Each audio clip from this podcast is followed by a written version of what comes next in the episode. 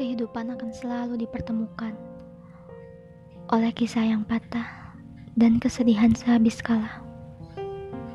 Ini hanya curahan seorang amatir tentang bagaimana melewati sebuah kisah yang patah.